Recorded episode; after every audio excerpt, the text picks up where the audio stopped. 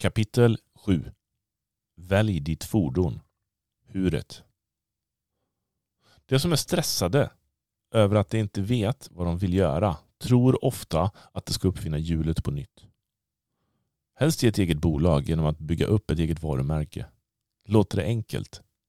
Sanningen är att de flesta framgångsrika blir det på en väldigt enkel idé som skapar ett värde på marknaden. Det är inte ens säkert att det startar eget företag till en början. Det finns många färdiga koncept inom så många olika områden och branscher så att du kommer hitta din grej. Den som söker den finner heter det. Om du kommit så här långt i boken och fortfarande inte vet hur du ska ta dig framåt och inte vet vad du ska göra, var inte så hård mot dig själv. Det tog mig flera år innan jag hittade mitt fordon. Alltså vilken typ av verksamhet jag skulle bygga för att uppnå mina mål i livet. Vilket fordon du sitter i för att ta dig framåt avgör vilka spelregler du har på marknaden. De som är duktiga på aktier har sina sätt att göra saker på. Fastigheter kräver helt andra sätt att tänka. Dropshipping är ett tredje alternativ exempelvis. Det experterna är överens om är att du inte blir rik genom att jobba för någon annan. Det du vill leta efter är ett framgångsrikt system. Din tid är begränsad till 168 timmar i veckan och du behöver hitta ett sätt att få en hävstång på varje investerad timme för att få ut maximal effekt. Och där kan ett system göra en stor del av det jobbet.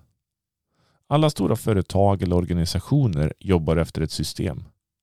Du behöver kunna automatisera vissa saker och du behöver kunna skala upp verksamheten när du är redo för det. Krångla inte till det. Underskatta aldrig kraften i enkelheten som Robin Sharma säger. Om du inte kommer på något eget, svälj stoltheten. Lägg egot på hyllan och titta på något färdigt koncept. Du kan bli affiliate till något bolag som säljer produkter du gillar. Du kan bygga upp ett Instagramkonto och bli en ambassadör för ett befintligt varumärke. Du kan bli en influencer på Youtube. Du behöver inte uppfinna hjulet själv. Den tiden är förbi. Vi har kommit längre än så. Om du väljer ett samarbete med ett etablerat bolag tar företaget hand om logistik, distribution, IT, kundsupport, material till marknadsföring. Du gör det du tycker är kul. Jag brukar tänka att jag outsourcat allt jag inte är bra på till moderbolaget. Titta på franchise. Du betalar för ett befintligt system som bevisligen redan fungerar. Franchise kommer från det latinska ordet franco, vilket betyder rättighet. Du köper dig rättigheten att representera ett befintligt koncept. Tre saker att tänka på. 1. Du låser ofta upp dig geografiskt med ett hyreskontrakt på en affärslokal, vilket begränsar dig från att resa, jobba hemifrån eller vara platsoberoende. 2. Du bygger ofta upp ett lager med produkter vilket innebär att du får ligga ute med pengar. Om det är konsumtionsprodukter riskerar du även att få slänga det du inte får sålt innan utgångsdatumet passerar. 3. Du betalar ofta 100 000 kronor eller betydligt mer i en licensavgift. Konceptet är ett säkrare sätt att starta eget på för de har redan hittat framgångsreceptet. De har systematiserat arbetet på bästa sätt och du får ta del av manualen för hur du ska lyckas. Häng inte upp dig på produkten. Nu kanske jag gjorde dig förvirrad. De flesta jag pratar med säger du måste brinna för produkten. Jag förstår det. Det kan vara viktigt men inte avgörande. Jag känner en tjej som just nu studerar hur hon ska få ett kassaflöde på att sälja via Amazon i USA. Hennes produkt är disktrasor. Det viktigaste är att det finns en marknad. Utan marknadspotential spelar det ingen roll hur mycket du älskar din produkt. Många som läst Robert Kiyosakis böcker vet att han skriver om att McDonalds Incorporation inte är en snabbmatskedja utan världens största fastighetsbolag. Det hyr ut fastigheter till franchisetagare i restaurangbranschen. Det har styrt upp distributionen av råvaror till alla restauranger. Det har positionerat sig längs vägarna där det vet att många bilister passerar. Det säljer inte världens godaste hamburgare. Det ser till att franchisetagarna kan sälja en lösning på många människors problem. att de kommer på att de är hungriga när de sitter i bilen innan de har kommit fram. Vi kan kalla honom Lennart. Jag ringde honom nervöst en dag för några år sedan för att jag ville boka in ett möte. Jag hade börjat med en verksamhet och jag hade ingen erfarenhet så jag visste egentligen inte vad jag höll på med. Jag ville ha hans åsikt om vad jag var på väg att starta upp. För om det är något jag har lärt mig så var det att lyssna till rätt person för rätt råd. Lennart var rätt. Han hade varit entreprenör sedan många år tillbaka och han såg möjligheter i allt. Någonting jag beundrade med honom var hans förmåga att se flöden. Oavsett bransch tittade han på siffrorna. Det värsta han visste var nyblivna företagare som ville göra sin grej men deras idé var dömd att misslyckas innan det började. För att det fanns inga marginaler. Ingen marknad som han sa. Jag presenterade vad jag gjorde och han blev min kund. Det var viktigt att stötta nästa generations entreprenörer, sa han. Han gillade vad han såg för det var skalbart. Det här skulle du kunna bygga hur stort som helst, sa han. Sedan sa han. Jag ska inte vara med för jag är för gammal. Han närmade sig 80 redan då. Men du ska hitta några hungriga personer och bygga upp det här med. Jag stöttar dig som kund. Det betydde mer än jag förstod då. När jag bokade mötet kom jag ihåg att jag sa och, och vad det handlar om tar vi när vi ses. Varav han säger ja, du har ju bokat en tid med mig nu så att det låter väl rimligt. Vi tar det när vi ses. När jag några år senare började läsa Robert Kiyosakis böcker kom jag att tänka på Lennart. Han var på flera sätt min rike far, som Robert skriver om i böckerna. Han ville uppmana mig till att bli entreprenör. Han ville att jag skulle börja titta efter kassaflödet och vinsten, inte bara bli kär i produkten. Svälj stoltheten och lägg egot på hyllan. Du ska bygga bolag, inte skaffa dig en hobby, var vad han sa summa summarum. Kiyosaki skriver i böckerna om Ray Kroc som köpte upp restaurangen från bröderna McDonalds. Han var inte intresserad av att ge sig in i restaurangbranschen. Han såg en potential i kassaflöde och han såg hur skalbart konceptet skulle kunna bli om man byggde alla restauranger exakt likadant så att vem som helst skulle kunna jobba där. Kroc var aldrig i restaurangbranschen. Han letade upp en liten bit mark längs vägarna som han byggde upp en restaurang på. Exakt likadan som alla andra. Han var i fastighetsbranschen. Vad finns det för möjligheter som du avfärdat i dessa tider för att du vill göra din grej eller för att den branschen inte passar dig? Hur såg marknadspotentialen ut? Var det skalbart? Skulle du kunna skapa en stor omsättning och generera en bra vinst? Försäljning är lika med intäkter. Företag som inte säljer något går i konkurs. Oavsett om du står i produktionen, packar paket, kör lastbil, sitter i kassan, lämnar ut paket eller är den som sålt produkten till kunden är vi alla beroende av försäljning. Utan att pengar cirkulerar i samhället blir det stagnation. Vilket vi inte vill vara med om i en värld där allt handlar om flöden. Lennart, jag lovar. Jag ska hitta några riktigt hungriga personer och bygga detta stort. Det finns inga trygga jobb. Alla jobbar vi resultatbaserat idag. Om inte företaget gör bra resultat kan det inte ha kvar sina anställda. Det handlar om teamwork. Jag föredrar att inte outsourca det ansvaret utan skapa det resultat jag behöver för att bygga min trygghet och hjälpa andra att göra samma sak. Gigekonomi. Fler och fler letar efter fler sätt att tjäna pengar. Att ta ett gig blir allt vanligare. Musiker är vana vid att göra ett gig och nu blir det allt vanligare i andra sammanhang. Det kan vara ett tillfälligt projekt eller något vid sidan av. Plattformar som Uber, världens största taxibolag utan att äga bilar, och Airbnb, världens största sida för uthyrning av boenden utan att äga fastigheter, tar över mer och mer. Framtiden tillhör de som satsar på plattformar. Företag oavsett bransch som fokuserar på tech first kommer att vara de som positionerar sig bäst inför framtiden.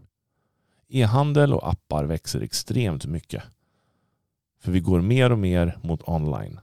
Hitta en plattform och kör. Jag har valt att bygga min framgång i ett nätverk. Att samarbeta med ett nätverksföretag kan bli väldigt kraftfullt eftersom företaget tar hand om allt som du inte vill göra. Jag har inga ekonomiska risker som franchise ofta innebär och jag får in vinsten i mitt bolag. Jag bygger mitt personliga varumärke och jag använder systemet och skalbarheten i nätverket. Det är anledningen till att jag valt nätverk. Det är ett fantastiskt sätt att vara entreprenör på när det görs professionellt. Jag föredrar att vara platsoberoende. Inte binda upp något kapital i något lager eller betala licensavgifter för att ta del av konceptet. Jag använder deras system, deras plattform, tar hand om allt. Jag bygger upp ett kassaflöde och min del av vinsten hamnar hos mig. Jag har outsourcat allt. Jag säger det en gång till. Jag har outsourcat allt. Det finns delade meningar om denna affärsmodell, som det gör med allting annat. Att vara skeptisk till nätverk eller direktförsäljning är som att vara skeptisk till e-handel. Affärsmodellen fungerar och de som engagerar sig i seriösa bolag tjänar bra med pengar. Det finns seriösa och oseriösa aktörer i byggbranschen, restaurangbranschen, bra och dåliga lärare i skolan. Var noga med vem du gör affärer med, vad du väljer att göra och vem du väljer att följa. Ingen bransch, profession eller affärsmodell är perfekt. Du blir inte bränd på modellen. Du blir bränd om du följer fel människor. Jag satt med en tjej och visade nätverk. Som kom med invändningen, då kan jag lika gärna satsa på mitt egna företag och ta all vinst själv. Jag sa, ja det kan du göra. Dock går du miste om systemet. Du går miste om mentorskapet. Du står där helt själv. Du får branda dina egna produkter. Du får anställa människor om du inte hinner med allt själv. I ett färdigt system finns det anställda hos moderbolaget som tar hand om allt du inte hinner med. Som du inte betalar för. Många har den senaste tiden på grund av rådande omständigheter sett om sitt hus och tittat på den här affärsmodellen som en klockren väg att komplettera upp ett inkomstbortfall på. Bygga ett överflöd över tid. Det kommer växa mer och mer när folk förstår på riktigt vad det handlar om. Det är en affärsverksamhet som ligger i framkant och kommer bli väldigt stor i framtiden när en större massa ser alla fördelar. Hon ville ha allt själv och vad hon inte förstod var att hon var i brist. Jag förklarade att jag hellre har en liten del av något gigantiskt än 100% av något litet. Vad du än väljer att göra, ta ansvar för det. Det är inte gymmets fel om du inte blir vältränad. Investera tid i att lära dig och lära dem som redan kan. Jag behöver inte vara den kreativa entreprenören som uppfinner hjulet. Jag går hellre in i ett färdigt system som har allt på plats. Sedan kan jag få vara kreativ kring min egen branding istället kring mitt personliga varumärke. Jag gick in i en befintlig organisation som en partner. Lärde mig systemet av de bästa. Sedan satte jag igång med möten. De absoluta grunderna i verksamheten. Kundmöten, rekryteringsmöten, uppföljningsmöten, coachmöten, utbildningar. För när jag bemästrade det klev jag in i ledarskap.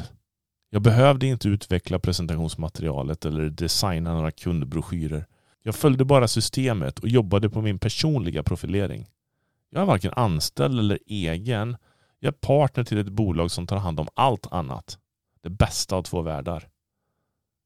Oavsett koncept sparar du tid, energi och pengar på att låta moderbolaget ta hand om så mycket som möjligt. Detta innebär också att deras anställda sköter allt du inte vill göra och får lön av företaget för det. Din vinst landar hos dig och det enda du behöver göra är att dra runt dig själv rent ekonomiskt. Säg att du vill bygga ett bolag som omsätter en miljon per år. Det innebär att du ska omsätta 83 333 kronor i månaden. Lek med tanken att du har en vinstmarginal på 20% vilket inte är helt ovanligt. Vilket betyder att 80% av din omsättning är omkostnader. Du får in 83 333 kronor. Av det ska du betala lokalhyra, köpa inventarier, bygga upp, driva din webbshop, fylla på produkter till ditt lager och alla andra kostnader. Du har 20% kvar som du potentiellt sett kan använda för att ta ut lön. Detta innebär att du har 16 667 kronor som du kan använda till lön. Av det går cirka 4 000 kronor till arbetsgivaravgifter och efter skatt blir en lön runt 10 500 kronor.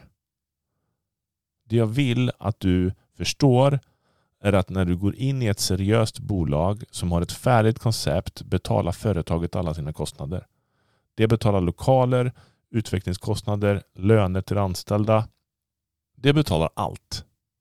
Du får ingen faktura på IT-konsulter som jobbat med hemsidan. Du behöver inte betala produktion av produkter, logistik, distribution, ingenting. Pengar som landar hos dig är dina. Om du i ett koncept bygger upp en miljon i omsättning som landar i ett bolag du äger har du inte 16 667 kronor i månaden i vinstmarginal som du kan använda till lön. Alla 83 333 kronor är dina pengar, eller rättare sagt ditt företags pengar. Det enda kostnader du behöver täcka är för dig själv. Du har säkert resor till möten i företaget med bil eller om du åker kollektivt. Du går en del utbildningar, betalar telefonräkning, redovisningstjänster med företagspengar. Du representerar ditt företag på mässor och affärsnätverksluncher. Du ska driva runt dig själv och sedan ta ut din lön. Detta gör att av de 83 333 kronorna kan du snarare använda 80 procent i lön. Eller plocka ut en del av det i vinst längre fram. Detta är varför jag lever med övertygelsen om att bygga på någonting som är en del av någonting större är mer kraftfullt än vad de flesta har förstått. Det effektiviserar och gör allting otroligt skalbart. Det är vad jag menar när jag säger att jag outsourcar allt jag inte vill till moderbolaget. Seriösa färdiga koncept har ett system som fungerar. Det finns de som jobbar med det, som tjänar bra med pengar och det finns det som inte tjänar pengar. Det är inget lotteri utan precis som på gymmet är det det som gör jobbet som får resultatet. Om du letar efter något är det viktigt att du vet vad du söker. En ledtråd kan vara hävstång. Använd systemet så mycket du kan. Automatiseringen och skalbarheten gör att du får mer tid över till att fokusera på det du ska göra. Det som skapar resultat. Jag kallar det för inkomstproducerande aktiviteter. Har du kommit så här långt i boken och vet inte vad du vill? Sluta fastna i huvudet. En del gör det svårare än vad det är. Har du varit med om det tidigare? Du är i vad man kallar en open loop. Du gör ingenting för att du inte vet vad du vill göra och tackar nej till möjligheter för att du inte vet vad du vill göra. Gör något. Bryt mönstret. Sluta fastna i huvudet. Om du som jag inte är den kreativa entreprenören eller uppenbarligen inte ska skapa någonting från noll, välj ett färdigt koncept i någon form. Avslutningsvis. Jag har skrivit den här boken utifrån mitt framtida jag. Till killen som satt i skolbänken och inte var speciellt inspirerad till att ta ett vanligt jobb efter skolan. Fortsätt. Du kommer att hitta det. De flesta kommer att tycka du är konstig men tids nog spelar det ingen roll. Tids nog kommer du uppskatta att sticka ut ur mängden. Inte just för den sakens skull utan mer för att inspirera någon annan. Jag önskar att jag hade hittat en bok som denna som guide när jag påbörjade min resa. Istället har jag gjort det till min mission att nå ut till alla de som är i samma situation som jag var. Jag kommer att vara rösten som jag saknade för att våga lita på processen. Inte för att jag önskar att någon får en lättare resa än mig, för då lär de sig inte i praktiken. Utan snarare bara för att ge dem ett litet tecken på att de är på rätt väg. Ibland behöver vi bara zooma ut. Jag kommer ihåg ett tillfälle i min karriär då jag tyckte att det gått trögt i ett par månader och jag bokade in ett möte med min mentor. Jag laddade på vägen dit med alla möjliga anledningar till varför det gick trögt och sätt att se det på för att jag faktiskt hade belägg för att det gick trögt. Han lyssnade som man brukar göra. Han lyssnade på alla argumenten jag hade han kände av frustrationen. Sedan säger han Kommer du ihåg när vi träffades första gången? Jag tror det var sex år sedan. Jag sa ja. Han säger Kommer du ihåg vart du var då? Jag säger vad, vad, vad syftar du på? Han var du lycklig? Tog du hand om dig? Din hälsa? Dina relationer? din karriär, din ekonomi. Vad hade du åstadkommit så långt? Jämför vart du var då med hur det ser ut idag. Det blir helt tyst. Jag blev rörd. Jag förstod hur långt jag hade kommit. Ibland behöver du bara zooma ut för att se hur långt du kommit. Om det var tio år sedan du gick ur skolan, vad har du gjort? Du har skaffat dig erfarenhet du står på nu när du går in i nästa kapitel i ditt liv. Oavsett vad du tjänat för pengar. Oavsett vilket sätt du berikat ditt liv. Du har haft bra, dåliga relationer. Om du har haft hälsan i behåll eller om du har haft utmaningar med den. Om du tjänat en massa pengar eller inte. Du har skaffat dig erfarenhet. Zooma ut och bestäm dig för att nästa tio år kommer förändra allt.